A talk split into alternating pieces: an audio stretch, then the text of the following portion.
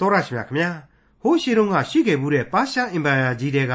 အစ္စရေးလူမျိုးတွေအားလုံးကိုလူမျိုးတုံးတုတ်တင်တပ်ဖြတ်ပစ်ကြဆိုတဲ့အမိန့်ကိုထုတ်ပြန်ခဲ့တဲ့ရှင်ဘီရင်တစ်ပါးဟာသူ့ရဲ့အမိန့်ကိုပြန်ပြီးတော့ရုပ်သိမ်းလို့မရနိုင်တာကြောင့်နောက်ထပ်အမိန့်တစ်ခုကိုထပ်ပြီးထုတ်ခဲ့ပါတယ်အစ္စရေးလူမျိုးတွေကိုမတတ်မဖြတ်ရဘူးလို့တော့အမိန့်ထုတ်ပြန်လဲပြင်ဆင်လို့မရနိုင်တော့တဲ့အတွက်အစ္စရေးလူမျိုးတွေအနေနဲ့ကိုယ့်အသက်ကိုကိုယ်စောင့်ဝင်ရှိပြီးတိုက်ခိုက်ရန်မူလာတဲ့သူတွေအားလုံးကို ပြန်ပြီးတိုက်ခိုက်နိုင်တယ်ဆိုတဲ့အမိန့်ကို ထုတ်ခဲ့ပါတယ်။ရန်ကိုရန်ချင်းတုံနှင်းခွင့်ပေးလိုက်တဲ့အမိန့်စာဖြစ်ပါတယ်။ရှင်ဘီရင်တစ်ပါးကနေအမိန့်နှမျိုးထုတ်ခဲ့တာကြောင့်ဒါဝရရှင်မြတ်စွာဘုရားသခင်ကိုကိုးစားခြင်းဟာလူကိုကိုးစားခြင်းမင်းကိုကိုးစားခြင်းထက်တာ၍ကောင်း၏ဆိုတဲ့စကားဟာမှန်ကန်တဲ့အကြောင်းဒီကနေ့တင်ပြရသောတမန်ကျမ်းအစီအစဉ်မှာလေ့လာမှာဖြစ်တဲ့ခရိယန်တမန်ကျမ်းဓမ္မဟောင်းကျမ်းပိုင်းတွေကဣသရာဝတ္ထုအခန်းကြီး၈အခန်းငယ်7ကနေ အခန်းငယ်19အထိမှတွေ့ရမှာဖြစ်ပါတယ်။နတ်ကိုးကွယ်တဲ့သူတွေဖျားရှင်ကိုပြောင်းလဲကိုးကွယ်ကြရတဲ့အကြောင်းလဲပါဝင်တဲ့ဧသရာဝတ္ထုအခန်းကြီး၈အခန်းငယ်7ကနေအခန်းငယ်19အထိကိုဒေါက်တာထွန်းမြတ်ရေးကအခုလိုရှင်းလင်းတင်ပြထားပါတယ်။သင်သိရသောတမန်ကျမ်းကိုစောင့်စားနားဆွင့်နေကြတဲ့သောတရှင်မိတ်ဆွေအပေါင်းတို့ခမညာကျွန်တော်အခုလေ့လာနေတဲ့ဧသရာဝတ္ထုအားဖြင့် မိษွေတို့အတွက်ဝိညာဉ်ခွန်အားသစ်များကိုရယူခန်းစားနိုင်ကြပါစေလို့ဆုတောင်းရင်းနဲ့ဒီကနေ့သင်ခန်းစာများကိုဆက်လက်တင်ပြပါရစေကျွန်တော်ဟာအခုဆိုရင်ဣသရာဝတ္ထုရဲ့အခန်းကြီး၈အငယ်30အထိကိုရောက်ရှိခဲ့ပါပြီအကျမ်းပြင်းအားဖြင့်တစ်ချက်တလေမှအားရစရာမရှိလှတဲ့ပါရှားနိုင်ငံတော်သမိုင်းဖြစ်ရတည်တဲ့မှာကျွန်တော်ရောက်ရှိနေကြခြင်းဖြစ်ပါတယ်အဲ့ဒီသမိုင်းတဲကပါရှားဘရင်ကြီးနဲ့နန်းတော်အတိုင်းအဝိုင်းကအဖြစ်တွေ ပါရှားကနေပြီးတော့ကိုကိုကိုဖျားသခင်အမွေခံဖို့ပေးထားတဲ့ဣသရေလနိုင်ငံကိုမပြတ်နိုင်ပဲနဲ့ဖျားသခင်ကိုရောင်ဝါးဝါလိုသာကိုးကွယ်နေကြတဲ့ဂျူးတွေရဲ့ပြဿနာတွေစသဖြင့်သင်ခန်းစာရယူပွဲအကြောင်းတွေကိုကျွန်တော်ဟာမိษွေတို့အတွက်အကောင်းဆုံးစီစဉ်တင်ဆက်ပေးနေခြင်းဖြစ်ပါတယ်ပြီးခဲ့တဲ့သင်ခန်းစာနှစ်မှာကတော့ပါရှားဘရင်ကြီးအာရွှေယုဆိုတာဟာသူ့လက်စွပ်တစိမ့်နဲ့နှိပ်ခတ်ပြီးတော့အမိန့်တစ်ခုကိုထုတ်ပြန်ခဲ့ပါတယ် အာမလက်လူရှုပ်ဟာမန်ဆိုတဲ့လူနဲ့မူမူယူယူပေါင်းဖော်ပြီးတော့ထုတ်ပြန်ခဲ့တဲ့အဲ့ဒီအမိန့်အရာဣသရေလလူမျိုးတော်ကိုအကုန်သတ်ပြရမယ်ဖျက်ဆီးပြရမယ်ဆိုတဲ့အမိန့်ကြီးဖြစ်ခဲ့ပါတယ်ကြောက်ခမန်းလိလိမိအမိန့်ကြီးပဲဆိုပါတော့အခုတော့အဲ့ဒီဟာမန်လူရှုပ်တယောက်ဟာဖြင့်သူ့တရားသူစီရင်ပြီးတော့သူများကိုသတ်ဖို့လှုပ်ထားတဲ့ကြိုးစင်ကြီးမှာကိုယ့်အကိုအသက်ခံရလိုက်ပြီဘာပဲဖြစ်ဖြစ်ဂျူးတွေကိုတတ်ရမယ်အမိန့်ကြီးကတော့အထင်အရှားတီးပြီးတော့ကြံနေခဲ့တယ် တန်လန်းကြီးကြံနေခဲ့တဲ့သဘောပေါ့ဖြက်ပြစ်လို့မရဘူးဒါကိုဂျူးဣသရေလအမျိုးမိဖုရားကြီးဧသရာအနေနဲ့ဘုရင်ကြီးအာရွှေယုစီကိုဝင်ပြီးတော့ပယ်ဖြက်ပေးပါဆိုပြီးတော့မျက်ရည်လေရွဲနဲ့တောင်းပန်တဲ့အခါကျတော့ဘုရင်ကြီးကလည်းပယ်ဖြက်ပေးခြင်းနဲ့ဒါမဲ့ဒီအမိန့်ကိုပြန်ပြီးပယ်ဖြက်ဖို့အရေးမှာတော့ဒီလက်စွပ်နဲ့ဒစိတ်ခတ်ပြီးသားပြီးခဲ့တဲ့ဥပဒေဟာဥပဒေအဖြစ်ပဲတည်နေတယ်နောက်ထပ်လွတ်ငင်းခွင့်အမိန့်ထုတ်ပြန်မှပဲဖြစ်နိုင်မယ်ဆိုတာကိုဘုရင်ကြီးကပြောပြပြီးတော့ သူ့အမိန့်တော်ဟောင်းကိုအမိန့်တော်အသစ်နဲ့ပြန်ပြီးတော့ပြောင်းလဲစေတယ်ဒီအမိန့်တော်သစ်သာအချိန်မမှီဘူးဆိုရင်တော့လူမျိုးတော်ဟာမုတ်ချအသက်ခံရတော့မှာမို့လို့တိုင်းပြည်ကြီးတစ်ခွင်လုံးသွေကြပေါက်သွေးချောင်းစီမယ်ဒါကိုမဖြစ်အောင်လို့အခုအချိန်မှာတော့စာပို့လူလင်တွေဟာမြင်းလာကလအုပ်မြဲတွေနဲ့အလျင်အမြန်သွားရောက်ပြီးတော့ကြင်ညာပေးရတယ်ဆိုတာကိုကျွန်တော်တို့တွေ့ကြရပြီးပါပြီ ဒါရီယာကျွန်တော်ရဲ့အပြစ်ဇာတိပဂရိဖြစ်တဲ့လူတွေဘဝမှာလေပြည့်ညတ်တော်ရဲ့သဘောအရမုတ်ချမသွေသေပြစ်ကိုအစီရင်ခံခဲ့ရတဲ့အတိုင်းပဲလူတိုင်းသေကိုသေရမှာဟာမလွဲဧကံဖြစ်တယ်လူနဲ့သေပြစ်ဒဏ်ဆိုတာဟာမကွာနိုင်တဲ့ဘုရားသခင်ကိုတော်တိုင်ရဲ့စီရင်ခြင်းဖြစ်တယ်ဒါပေမဲ့အဲ့ဒီသေခြင်းကနေပြီးတော့သာဝရအသက်လမ်းကိုတက်လှမ်းနိုင်ဖို့အတွက်ကယ်တင်ရှင်သခင်ခရစ်တော်အားဖြင့်ဂျေဇုတော်နဲ့ဂရုဏာတော်ပရိညင်သစ်ဆရာဟာရှိနေပြီဖြစ်လို့အဲ့ဒီကယ်တင်ခြင်းတရားကိုလက်ခံပြီးတော့ ဖျားသခင်ကိုကိုးကွယ်စိတ်ကပ်ချဖို့လိုတယ်ဆိုတဲ့သင်ခန်းစာများကိုရယူနိုင်ခဲ့ကြပြီဖြစ်ပါတယ်။ဒါကြောင့်မလို့လေဧဒရာဝတ္ထုရဲ့အခုဖော်ပြချက်ဟာနှုတ်ကပတ်တော်မှာကယ်တင်ခြင်းတရားအကြောင်းကိုဖွင့်ဆိုတဲ့ကျမ်းတွေအနဲ့အလွန်တရာကောင်းမွန်တဲ့ကျမ်းတစုပဲဖြစ်တယ်လို့ကျွန်တော်တို့ဆိုချင်ပါတယ်။ကျွန်တော်အထက်ထပ်ပြောခဲ့တာကိုဒီနေရာမှာတစ်ခါထပ်ပြောရမယ်ဆိုရင်တော့နှုတ်ကပတ်တော်မှာကျွန်တော်တို့နားမလည်တာတွေရှိကောင်းရှိမယ်။အတိတ်ပဲမရှိတာကတော့တခုမှမရှိဘူး။ အခုဧဒရာဝတ္ထုဆိုတာဟာဘုရားသခင်ရဲ့နာမတော်ကိုတနေရာမှမဖော်ပြသလိုဆုတောင်းခြင်းအကြောင်းကိုလည်းဘယ်နေရာကလေးမှမတွေ့ရပါဘူးတနည်းအားဖြင့်တော့အကျမ်းတဲ့လူဘဝရဲ့သရုပ်အပြည့်အထုပ်ကြီးတစ်ထုပ်ကိုဖြီးပြတဲ့အဆင့်သာရှိတယ်ဒါပေမဲ့အဲ့ဒီလိုအပြစ်နဲ့သာတဝဲလဲလဲနေခြင်းသူလူသားတို့ရဲ့ဘဝအလယ်မှာကတင်ရှင်ဘုရားသခင်ရဲ့အံ့ဩပွေကျေးဇူးတော်ဆိုတာဟာတရှိနေမြဲဖြစ်တယ်။သူဟာလူသားတို့ကိုလူသားတို့ရဲ့အာနေခြင်းတွေလူသားတို့ရဲ့ချွတ်ချော်ချက်တွေနဲ့ လူသားတို့ခံစားရအပြစ်ကြားထဲမှာပဲပြစ်မထားဘူး။ဘာမှမဆန်းကျဲတဲ့လူတွေရဲ့အကြောင်းကလေးတွေကနေပြီးတော့ကြီးမားတဲ့အမှုကြီးတွေအဖြစ်ဖော်ထုတ်ပေးပြီးတော့ကျေးဇူးတော်နဲ့ပြန်လဲရစ်ပတ်ပေးနိုင်တယ်ဆိုတဲ့အချက်ကိုကျွန်တော်တို့တွေ့လာရမှာအသေးချာဖြစ်ပါတယ်။မိษွေတို့ကြားခဲ့ရတဲ့အတိုင်းပါပဲ။ကိုဣတရီလဘိုးဘေးတို့ရဲ့ထုံတန်းစင်လာကြီးကိုကန့်လန့်တိုက်ပြီးတော့ကိုနှမကိုသမီးကလေးကိုသူများနိုင်ငံဘရင်လက်ထဲသွားပြီးတော့ထိုးထည့်လိုက်တာသေးသေးကိုကိုအပြစ်လား ဒါမျိုးကိုဘယ်လိုလုပ်ပြီးတော့ကောင်းတဲ့အလုပ်လို့ပြောနိုင်မှာလဲဘုရားသခင်လည်းကြိုက်မှာမဟုတ်ပါဘူးဒါပေမဲ့အဲ့ဒီအမှားဟာဒီမိန်းကလေးကိုမိဖုရားကြီးဖြစ်လာစေပြီးတော့15သန်းလောက်အနည်းဆုံးရှိနေမယ်လူမျိုးတော်ကြီးတစ်ခုလုံးအသက်ဘေးကနေလွတ်မြောက်ဖို့အကြောင်းဖန်လာရစေတယ်ဆိုတာဟာရှင်းနေတာပဲမဟုတ်ဘူးလားအဲ့ဒီလိုမယိုးမဆွဲပါပဲအမြဲအရက်ကြောင်ကြောင်နေတတ်တဲ့ဘယင်ကြီးညတညကြမှာပဲထူးထူးခြားခြားကြီးအဲ့လိုမပျော်ရာကနေစိတ်ကောင်းနေဝင်ပြီးတော့နောက်တနေ့ကျရင်သေမဲ့လူတစ်ယောက်ကိုထူးထူးကဲကဲသွားပြီးသတိရခဲ့တယ် ညတွင်ချင်းအဲ့ဒီလူရဲ့ကျေးဇူးတွေကိုပြန်တွေးမိပြီးတော့မင်းကန်းမင်းသားနဲ့ပြန်ပြီးတော့ချီးမြှောက်တဲ့အထိဇောက်ထိုးမိုးမျှော်တွေဖြစ်ခဲ့ရပုံအဲ့ဒီကနေပြီးတော့မှတဆင့်မိကိုကြွက်လျှောက်ဆိုသလိုအဖြစ်အပျက်တွေဟာမျက်လှည့်ပြသလိုပြောင်းလဲကုန်ပြီးတော့လူမျိုးတော်ကိုအပြက်ရှင်းခြင်းနဲ့လူကကိုယ်တိုင်အပြက်ရှင်းခံလိုက်ရတဲ့သဘာဝကိုရောက်သွားတယ်ကိုရှုကိုပတ်တဲ့သဘာဝပေါ့အဲ့ဒီတော့အမှန်တရားသည်စိတ်ကူးရင်တဲ့စမ်းကြယ်သည်ဆိုတဲ့သဘောတရားအတိုင်း ဧဒရာဝတ္ထုဟာအံ့ဩလို့မကုံနိုင်လောက်အောင်ကျွန်တော်တို့ကိုဖော်ပြခဲ့ပြီးဖြစ်ပါတယ်မိษွေအပေါင်းတို့နှုတ်ကပတ်တော်များဟာဘလောက်အထိအသက်ရှိပြီးတော့ဘလောက်အထိပြည့်စုံတဲ့စာပေဖြစ်တယ်ဆိုတာကိုလေဒီနေရာမှာကျွန်တော်ထပ်မံသတိပေးလိုပါသေးတယ်အဲ့ဒါကတော့တခြားမဟုတ်ပါဘူးဒီလိုဣသရေလကိုမျိုးဖြုတ်ခြင်းနေတဲ့လူဟာဣသရေလနဲ့အမျိုးမကင်းလှတဲ့အာမလဲဆိုတဲ့လူမျိုးကဆင်းသက်လာတဲ့ဟာမန်ဆိုတဲ့လူအခုဆိုရင်ဟာမန်တို့အာမလက်တီစပြီးတော့ဒုက္ခရောက်ရတာကိုတွေ့နေရပြီ ဒါတွေဟာအတိတ်ကာလကတောလဲရကျမ်းတရားဟောရာကျမ်းတွေမှာကလေးကဖွင့်ဆိုခဲ့တဲ့အနာဂတ်ကျမ်းတွေနဲ့ပြောလို့ကိုမယုံနိုင်လောက်အောင်တွားရောက်တိုက်ဆိုင်နေတယ်ဆိုတဲ့သက်သေအထောက်အထားတွေပါဝင်နေလို့ပါပဲဘလောက်ထူးဆန်းတော့မယုံမရှိရလောက်အောင်တရားဟောရာကျမ်းအခန်းကြီး25ကဏိဂုံးပိုင်းကလေးတစ်ခုကိုကျွန်တော်အခုဖော်ပြပေးပါဦးမယ်အာမလက်အမျိုးကိုအောက်မေ့เสียမရှိစေခြင်းဟာကောင်းကင်အောက်၌တုတ်တင်ပယ်ရှင်းရမည်ထိုအမှုကိုမမေ့မလျော့ရတဲ့ကဲမထူးဆန်းဘူးလား အဲ့ဒီအတိုင်းအခုဖြစ်ကုန်ပြီတခါအဲ့ဒါနဲ့မှမလုံလောက်သေးဘူးထင်ရင်ထွက်မြောက်ရကြမ်းမှာတတဲ့ရှေးကြတဲ့အချိန်ကပါဝင်ခဲ့တဲ့အမိန့်သံတစ်ခုကိုပြန်ပြီးတော့နားထောင်ကြည့်ကြပါဦးအာမလက်အမျိုးဤလက်သည်ထာဝရဘုရားဤရာဇပလင်တော်ဤရံပက်ဖြစ်သောကြောင့်ထာဝရဘုရားသည်ကာလအစဉ်အဆက်အာမလက်အမျိုးကိုစစ်တိုက်တော်မူလိမ့်မည်ဟုဆိုသည်တဲ့အဲ့ဒါဟာအီဂျစ်ကနေပြီးတော့ကျွန်ဘဝကထွက်မြောက်လာခဲ့တဲ့ ဒုက္ခသည်ဣသရေလတေးကိုလမ်းမှာမညှမတာဖြတ်ပြီးတော့စစ်ဝင်တိုက်တဲ့အာမလက်တီအဖို့ဖျားသခင်ရဲ့ကြိုတင်ကြင်ညာထားတဲ့ကြိမ်မောင်းတံပဲဒီတော့ကျွန်တော်တို့အခုလေ့လာနေတဲ့ဣသရာဝတ္ထုဆိုတာဟာလူလောကကလူသားတွေရဲ့မြေရနံ့များမှုန်ထွန်နေတဲ့ကြံတော်ဖြစ်တယ်တစ်ချိန်တည်းမှာအဲ့ဒီမြေရနံ့များနဲ့အတူအလွန်ထူးခဲ့တဲ့ဝိညာဉ်ရေးအတိတ်ဘယ်တွေနဲ့လဲကြွယ်ဝပြည့်စုံနေတဲ့ဆိုတာကိုကျွန်တော်တို့သဘောပေါက်လောက်ပြီပေါ့။ကဲ ဒီကနေ့အဖို့မှာတော့ဣသရာဝတ္ထုအခန်းကြီး၈အငယ်7နဲ့7ကိုစတင်ကြည့်ကြပါစို့အမိန်တော်စာချက်ဟူမူကားအာဒါအမည်ရှိသောဒွါဒသမလ13ရက်တနေ့ချင်းတွင်နိုင်ငံတော်အတိုင်းတိုင်းအပြည်ပြည်အမျိုးမျိုး၌ရှိသောယူဒလူတို့သည်စုဝေး၍မိမိတို့အသက်ကိုစောင့်ရသောအခွင့် တိုက်လာသောပြည်သူစစ်သူရဲ့အပေါင်းတို့ကိုမိမသူငယ်နှင့်တကွတပ်ဖြတ်သုတ်ပင်ပယ်ရှင်း၍သူတို့ဥစ္စာကိုလူယူသိမ်းယုံရသောအခွင့်ကိုရှင်ဘရင်ပေးတော်မူ၏ဟိုက်ခနဲ့အသံထွက်သွားလောက်အောင်ထူးတဲ့ဥပဒေကြီးဖြစ်နေတာကိုအထိတ်တလန့်ကြားရပြီကျွန်တော်တစ်ခေါက်ပြန်ဖတ်ပြပါမယ်နားထောင်ကြည့်ကြပါအာဒါအမည်ရှိသောဒွါတသမလ73ရက်နေ့တနေ့ချင်းတွင်နိုင်ငံတော်အတိုင်းတိုင်းအပြည်ပြည်အမျိုးမျိုး၌ရှိသောယူဒလူတို့သည်စုဝေး၍ မိမိတို့အသက်ကိုစောင့်ရသောအခွင့်တိုက်လာသောပြည်သူစစ်သူရဲ့အပေါင်းတို့ကိုမိမ့်မသူငယ်နှင့်တကွတပ်ဖြတ်သုတ်သင်ပယ်ရှင်း၍သူတို့ဥစ္စာကိုလူယူသိမ်းယုံရသောအခွင့်ကိုရှင်ဘုရင်ပေးတော်မူ၏တဲ့ဘလောက်ထူးဆန်းတဲ့ဥပဒေကြီးလေရှင်းရှင်းပြောရရင်တော့အဲ့ဒီအမိန့်ရဲ့သဘောကတော့တခြားမဟုတ်ဘူးဒွါဒသမလ73ရက်နေ့မှာယခင်အမိန့်အဟောင်းအရာဣသရေလတွေကိုဖျက်ဆီးတပ်ဖြတ်သုတ်သင်ပယ်ရှင်းဖို့အမိန့်ချထားပြီးဖြစ်ပါသဖြင့်သင်တို့ဣသရေလများမှာ မုတ်ချမသွေဒီဥပဒေအဟောင်းအရာလောက်ကြံတပ်ဖြတ်ခြင်းခံကြရဖို့ရှိနေပါတယ်ဒါပေမဲ့အဲ့ဒီနေ့ကျရင်အဲ့ဒီဥပဒေအရာအဲ့ဒီလိုရန်သူတွေကများလာပြီးတော့တတ်ကြမယ်ဖြတ်ကြမယ်လုပ်ရင်လုံးဝမခံကြဘဲနဲ့ပြန်ပြီးတော့ဥအောင်ချကြပြက်ပြက်သားသားခြေမုံပြစ်ကြနောက်ပြီးတော့သူတို့ပိုင်ဆိုင်တဲ့ပစ္စည်းဥစ္စာတွေကိုပါလွတ်ယူပြီးတော့အပိုင်ယူခွင့်ကိုငါပေးတယ်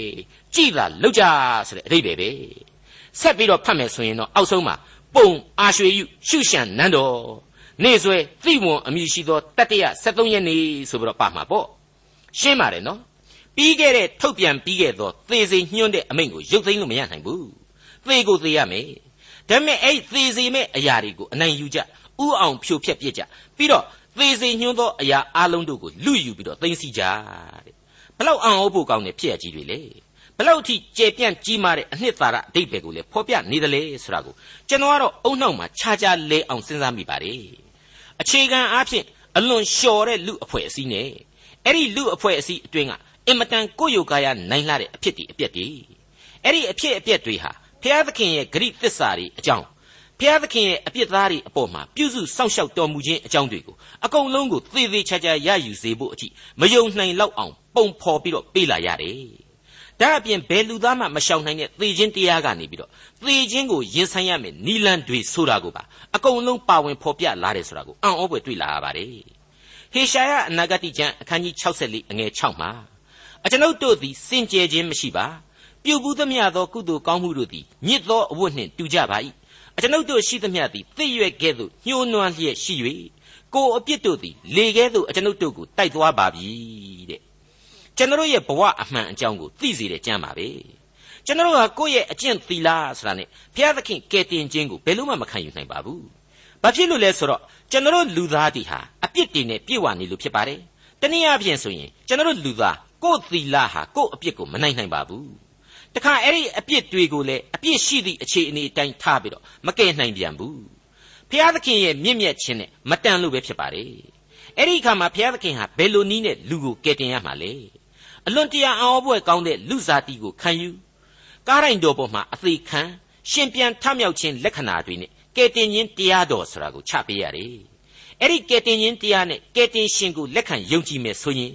အဲ့ဒီယုံကြည်ခြင်းကြောင့်သာလျှင်အပြစ်သားဟာအပြစ်ရှိတဲ့ဘဝနဲ့ပဲဖြောင့်မတ်ခြင်းအခွင့်ကိုရရှိပြီးတော့ကယ်တင်ခြင်းကျေးဇူးကိုခံစားလာရတယ်မထူးဆန်းဘူးလား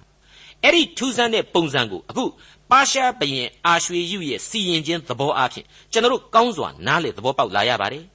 အပြစ်ရှိတာမှန်တယ်ဒါကြောင့်အစီရင်ခံရမယ်ဒါပေမဲ့အဲ့ဒီအပြစ်ဒဏ်ကိုယုံကြည်ခြင်းတရားအဖြစ်တွန်းလှန်ပြီးလွတ်မြောက်ရမယ်တဲ့အနှစ်ချုပ်အတိတ်တွေကတော့ဒါပဲမိษွေတို့လူသမိုင်းဟာအပြည့်ရဲ့သမိုင်းနဲ့စစ်ရဲ့သမိုင်းလို့ကျွန်တော်အထက်ထပ်ဆွဆွဲခဲ့ပါတယ်ဒါကိုလက်ခံနိုင်ကြပါရဲ့လား အခုအချိန်မှဆိုရင်ကဘာကြီးရဲ့ပတ်ဝန်းကျင်လေရုရေရုမြေရုစသဖြင့်ညဉ့်ညမ်းလာနေတယ်ဆိုပြီးတော့သိပ္ပံပညာရှင်တွေကပြောလာကြပါတယ်တကယ်တော့လူသားတွေရဲ့နှလုံးသားတွေကပိုးပို့ပြီးတော့ညဉ့်ညမ်းလာတယ်ဆိုတာကတော့ဖုံးကွယ်ထားကြသလိုပဲလို့ကျွန်တော်ခန်းစားမိပါတယ်ကိုယ့်အပြစ်ကိုတော့ကိုဖော့တွက်တယ်ဆိုတဲ့သဘောပေါ့အဲ့ဒီလိုကိုယ့်ရဲ့လူသားဖြစ်ရခြင်းလူသားမို့လို့အပြစ်၌နစ်မွန်းရခြင်းဆိုတာကိုသိလေလေကျွန်တော်ဟာဖျားသခင်၌သာအစဉ်တစိုက် အာကိုခိုလှုံလေလေဖြစ်ဖို့အထူးပဲလိုအပ်လာပါတယ်ဖျားသခင်ဟာကျွန်တော်အတွက်အကောင်းဆုံးသောအသက်လမ်းကိုခရစ်တော်အားဖြင့်ချထားပေးခဲ့ပြီးဖြစ်ပါတယ်သူ့ရဲ့ကျေးဇူးတော်တသက်ဖြစ်ပါတယ်ကျွန်တော်ကလက်ခံယုံကြည်ခြင်းနဲ့ဖြည့်ဆည်းဖို့သာတာဝန်ရှိပါတယ်ယုံကြည်ခြင်းတရားကိုစောင့်ရှောက်ဖို့သာလျှင်တာဝန်ရှိပါတယ်တနည်းအားဖြင့်ကယ်တင်ရှင်သခင်ခရစ်တော်အားဖြင့်ဖျားသခင်ရဲ့ကျွန်တော်တို့လူသားတို့အပေါ်မှာမေတ္တာစိတ်ဟာအလိုလိုတည်ရှိနေခဲ့ပြီဖြစ်တယ်။ကျွန်တော်တို့ရဲ့မိုက်မဲခြင်းတွေအပေါ်မှာ သူဟာစိတ်လျော့ညွတ်ဖြေလိုက်ပြီလို့ကျွန်တော်ပြောချင်ပါတယ်။ဘာဖြစ်လို့လဲဆိုတော့ကားရိုင်တော်ပေါ်မှာခရစ်တော်ဟာရစ်ပူဇော်တယ်လို့အသေးခံပြီးတော့အပြစ်ဖြေရဝတ်ကိုပြုတ်ပေးခဲ့ပြီမဟုတ်ဘူးလား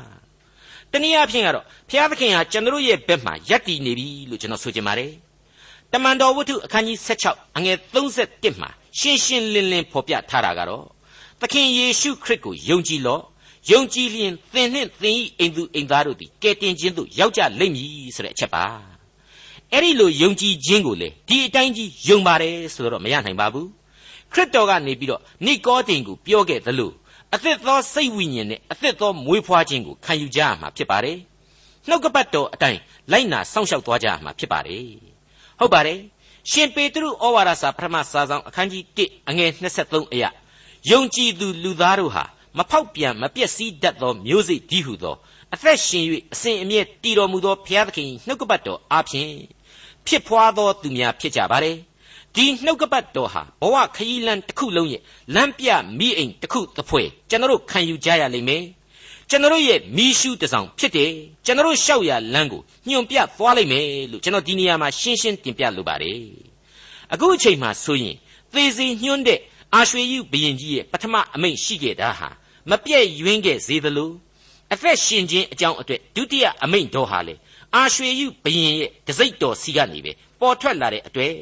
ရွေးကောက်တော်မူသောဣသရေလလူမျိုးတော်ဟာရဲရင်စွာနဲ့ဒုတိယအမိန့်တော်ကိုလိုက်နာပြီးတော့သူတို့ကိုလာပြီးတော့သတ်မဲ့ဖြတ်မဲ့သုတ်သင်မဲ့ရန်သူတို့ကိုခုခံကြရမယ်။ကာကွယ်တားဆီးသွားကြရလိမ့်မယ်။ပြီးတော့ရန်သူတွေရဲ့ပိုင်ဆိုင်မှုတွေကိုပါသိမ်းယူကြရလိမ့်အောင်မယ်တဲ့။သူတို့ဘက်မှာရှင်ဘရင်ကိုယ်တိုင်ရှိနေပြီဆိုရင်ဘာမှကြောက်စရာလန့်စရာအကြောင်းမရှိတော့ပါဘူး။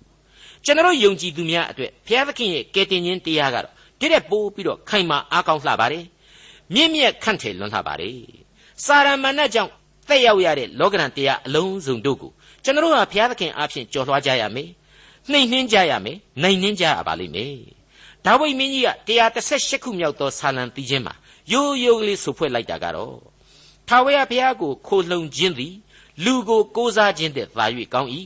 ထာဝရဘုရားကိုခိုလှုံခြင်းသည်မင်းကိုကိုးစားခြင်းတဲ့သာ၍ကောင်း၏ဆိုတဲ့အချက်ပဲဖြစ်ပါတယ်ဒါဟာအလွန်အရေးကြီးတဲ့အချက်ပါအနှစ်သာရကြီးမားတဲ့အချက်ပါကျွန်တော်ရယူရမယ့်စုကျေးဇူးစရာဟာမတိုင်းဆနိုင်တဲ့အနန္တကာလနဲ့သက်ဆိုင်တဲ့ထာဝရအသက်ဆုကျေးဇူးကြီးဖြစ်နေလို့ပဲဖြစ်ပါတယ်ဒီထာဝရအသက်ဆုကျေးဇူးလို့အဆင့်မျိုးကြီးကိုအနန္တတကုရှင်ဘုရားသခင်ရဲ့ကျေးဇူးတော်ကိုအမိမပြုတ်ဘဲနဲ့ဘယ်နည်းနဲ့မှမရနိုင်ကြောင်းထင်ရှားလျက်ရှိနေပါတယ်ခင်ဗျာ ဧဒရာဝတ္ထုအခန်းကြီး၈အငယ်73နဲ့74ဤ၍ကယုဒလူတို့သည်ထိုနေ့ရက်တွင်ရန်သူတို့ကိုရန်တုံပြုစေခြင်းဟာအတိုင်းတိုင်းအပြည်ပြည်၌နေသောလူမျိုးအပေါင်းတို့အားကြော်ရသောအမိန့်တော်စာချက်ဖြစ်သည်ထိုအမိန့်တော်စာကိုရှုရှံနန်းတော်၌ကြော်ပြီးမှရှင်ဘရင်ကြက်တီးစွာစီရင်သည့်အတိုင်းစာပို့လူလင်တို့သည်အလျင်အမြန်ပြေးသွားကြ၏ထပ်မံပြီးပေါ်လာပြန်တယ်ဒီသတင်းစကားအတွက်စာပို့လူလင်တို့ဟာ အလျင်အမြန်ပြေးသွားကြတယ်ဆိုပါကလားအလျင်အမြန်ပြေးသွားခြင်းအပြင်အလျင်အမြန်ပြင်ဆင်စေတယ်အလျင်အမြန်အားဖြည့်စေတယ်အချိန်မီသတိတရားရစေတယ်ဆိုတဲ့စင်ကဲအကျိုးတွေကိုဖြစ်ပွားလာစေပါတယ်မိษွေအပေါင်းတို့ခမညာဆန်သောလက်ကိုမကွေးမီကွေးသောလက်ကိုမဆန့်မီခန္ဓာတရားသည်ပြက်ပြားတတ်သည်ဆိုတာကိုကြားဘူးရသလိုနေ့မြင်ညပြောက်ဖြစ်ရတဲ့လူဘဝဆိုတာကိုလည်းကျွန်တော်တို့အားလုံးသိနာလေကြပါတယ်ကဲတင်ချင်းတရားကို လူသားတိုင်းလူသားတိုင်းအချိန်မီရယူစေနိုင်ဖို့ကျွန်တော်တို့လေးစားစွာဆန္ဒပြုလိုက်ပါရစေ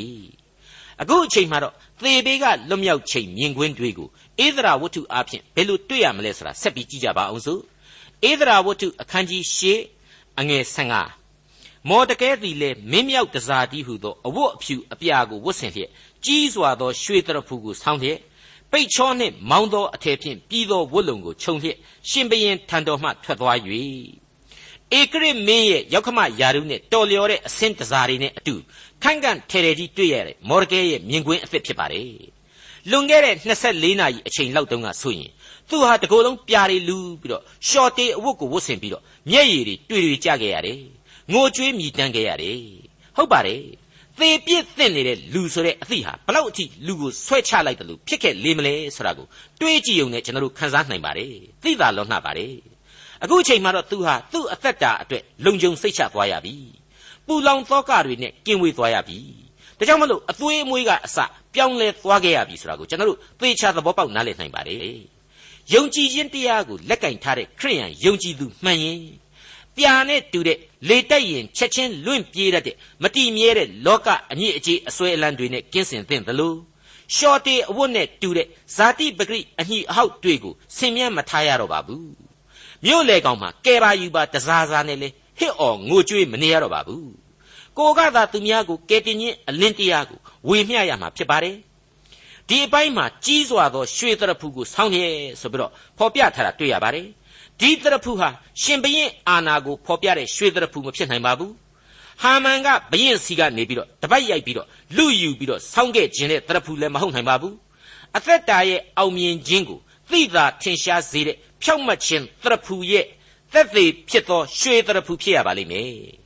အခုခေတ်မှာမဲဆက်ကြဝလာတို့လှရင်ကြီးမယ်တို့လို့အလှပြတရဖူသေးသေးကလေးမဟုတ်ပါဘူးတန်ဖိုးအလွန်ကြီးမာတယ်ခန့်ထဲလုံခြုံစေတယ်ဒါကြောင့်ကြီးစွာသောရွှေတရဖူဆိုပြီးတော့နှုတ်ကပတ်တော်ကဖော်ပြလိုက်ခြင်းဖြစ်ပါတယ်မိတ်ဆွေအပေါင်းတို့ခမညာမော်တကဲဟာဇလန်းအစမှာဝိညာဉ်ရေးရှုထောင့်အရာဘာမှတန်ဖိုးမရှိတဲ့လူကြီးတစ်ယောက်ပဲဆိုတာကိုကျွန်တော်မြင်ခဲ့ရပါတယ် ကျွန်တော်လည်းရှင်းပြခဲ့ပြီးပါပြီကိုလှုပ်တဲ့အလုပ်ကိုလည်းကိုဟာစိတ်မသန့်တဲ့လူကြီးတစ်ယောက်ဖြစ်ခဲ့ပါတယ်ကိုညီမလေးလည်းဖြစ်မွေးစားသမီးကလေးလည်းဖြစ်တဲ့ဧဒရာကိုနန်းတော်တဲကိုပို့ပြီးမှစိတ်မချမ်းမသာနဲ့နန်းတော်ရှေ့နားမှာရစ်တီရစ်တီလုံနေခဲ့တယ်ဆိုတာတွေကိုကျွန်တော်တို့တွေ့ခဲ့ရပါတယ်ဒါဟာ तू ဟာဧဒရာလေးအတွက်စိတ်မချလို့ပဲပေါ့ဒါပေမဲ့သူဟာနှောင်းပိုင်းမှာဟာမန်ကနေသူတို့တွေကိုသတ်မယ်ဖြတ်မယ်ဖြစ်လာတဲ့အချိန်နောင်တတရားရခဲ့တဲ့လက္ခဏာတွေကိုတွေ့လာခဲ့ရပါတယ် စတင်ပြီးတော့အဲ့ဒီအပိုင်းမှာတွေ့လာခဲ့ရပါတယ်ဧဒရာကြီးမင်းမကယ်ဘူးဆိုရင်ဖြင့်ယူဒလူမျိုးတွေအဖို့ကယ်တင်ခြင်းအကြောင်းတစုံတစ်ခုပေါ်လာလိမ့်မည်ဆိုပြီးပြောခဲ့တာဟာဖျားသခင်ကိုသူ့ရဲ့မသိစိတ်ထဲမှာသတိရလာလို့ဖော်ပြပြောဆိုတာပဲဆိုတာကိုကျွန်တော်ရှင်းရှင်းကြီးနားလည်သဘောပေါက်နိုင်ပါတယ်ဒါအပြင်သူဟာတစ္ဆာရှိတဲ့လူတစ်ယောက်ဆိုတာကိုလေဘယင်ကြီးကိုလှုပ်ကြံမဲ့သူတွေကိုဖော်ထုတ်ပေးခဲ့တဲ့အချက်အဖြစ်ကျွန်တော်အကဲဖြတ်နိုင်ပါတယ်အာမလက်လူဟာမန်ကိုဥမချခြင်းဟာလေ ဖျားသခင်ကလွယ်ပြီးဘသူ့ကိုမှမကိုးကွယ်နိုင်ဘူးဆိုတဲ့စိတ်ဓာတ်ကိုပြသရာရောက်ခဲ့ပါတယ်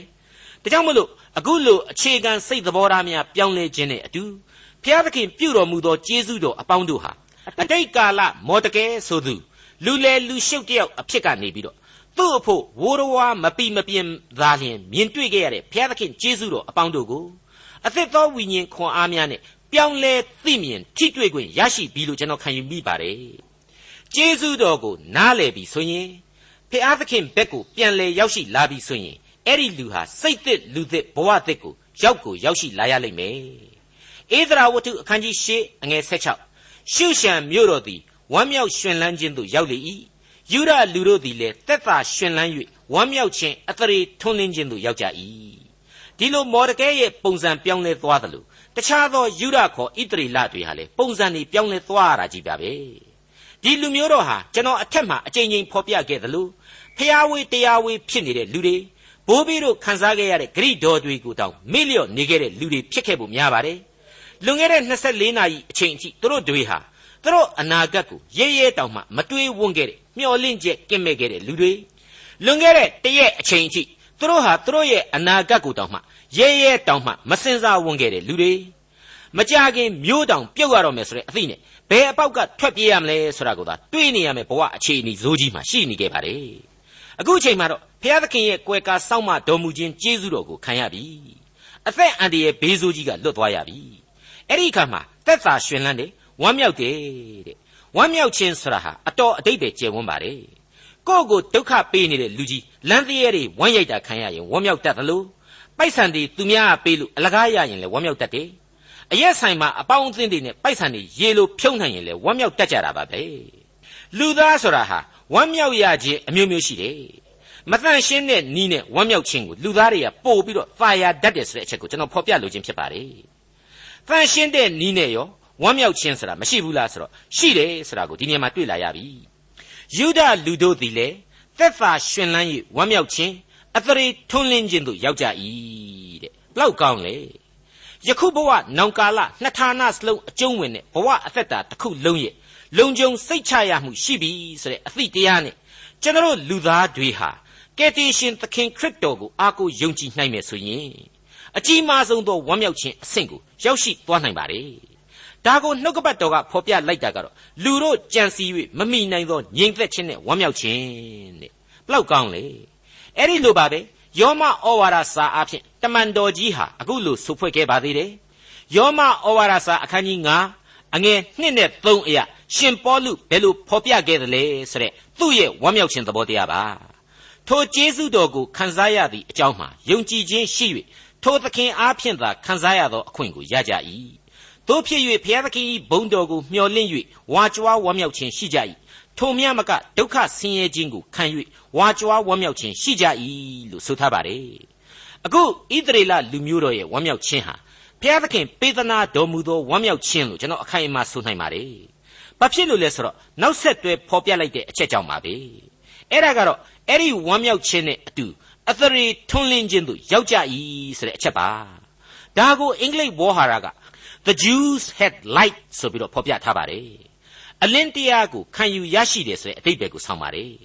တကယ်တော့အဲ့ဒီအလင်းတရားကိုရတယ်ဆိုတာဟာနောက်ထပ်ဘယ်လိုအတိတ်ပဲရှိသလဲဆိုတာကိုဆက်ပြီးစဉ်းစားနိုင်ဖို့ရှင်ယောဟန်ခရစ်ဝင်ကျမ်းအခန်းကြီး၈အငယ်၁၂ဟာရှင်းဆိုနေပါတယ်တဖန်တုံယေရှုကငါသည်ဤလောကဤအလင်းဖြစ်၏ဆိုတဲ့အချက်ပဲဖြစ်ပါတယ်ခင်ဗျာဧသရာဝတ္ထုအခန်းကြီး၈အငယ်၁၈ဏိဂုံရှင်ဘရင်အမိန့်တော်စာရောက်လေသောအပြည်ပြည်အမျိုးမျိုး၌ယူရလူတို့သည်ဝမ်းမြောက်ရွှင်လန်းခြင်း ပွဲခံခြင်းမင်္ဂလာနေ့စောင့်ခြင်းကိုပြု၍ပြည်သူပြည်သားအများတို့သည်ယူဒလူတို့ကိုကြောက်ရွံ့သောကြောင့်ယူဒဘာသာကိုဝင်ကြ၏မိษွေတို့ဒါကိုအပကြီးကလို့မတွေးကြပါလိမ့်နဲ့ပါရှားဧကရစ်နိုင်ငံတော်ကြီးဟာအေယာမလက်နဲ့နိုင်ငံတော်ကြီးဖြစ်တယ်ဂျူးဣသရေလဟာအဲ့ဒီအထက်ကအ ਨੇ စုသောကျွန်လူမျိုးတစုသာလျှင်ဖြစ်ပါတယ်ယူဒလူတို့ကို ဒီပေရသိနိုင်ငံတော်တလွှားကအခြားသောလူသားများဟာဝိုင်းဝန်းကြောက်ရွံ့ကြတယ်ဆိုတာဟာတခြားကိုကြောက်ရွံ့တာမဟုတ်ဘူးယူဒလူတို့ကိုးကွယ်သောအသက်ရှင်တော်မူသောဘုရားသခင်ရဲ့အကြောင်းကိုယူဒလူတို့အဖျင်သိမြင်လာကြပြီးတဲ့နောက်အသက်မဲ့တဲ့သူတို့ရဲ့နတ်ယုတ်တွေကိုစွန့်ပယ်ပြီးတော့ဘုရားသခင်ကိုယ်သာသူတို့ဟာပြောင်းလဲကိုးကွယ်ဝတ်ပြုလာကြခြင်းကိုဖော်ညွှန်းလိုက်ခြင်းဖြစ်တဲ့အကြောင်းလေးစားစွာတင်ပြလိုက်ပါရစေဒေါက်တာထွန်းမြတ်ရေးစီစဉ်တင်ဆက်တဲ့သင်သိရသောတမချန်းအစီအစဉ်ဖြစ်ပါတယ် နောက်တစ်ချိန်အစီအစဉ်မှာခရိယန်တမချန်းဓမ္မဟောင်းကျမ်းပိုင်းတွေကဣသရာဝတ္ထုအခန်းကြီး9နဲ့ဣသရာဝတ္ထုရဲ့နောက်ဆုံးအခန်းကြီးဖြစ်တဲ့အခန်းကြီး10ကိုလေ့လာမှာဖြစ်တဲ့အတွက်စောင့်မျှော်နားဆင်နိုင်ပါတယ်။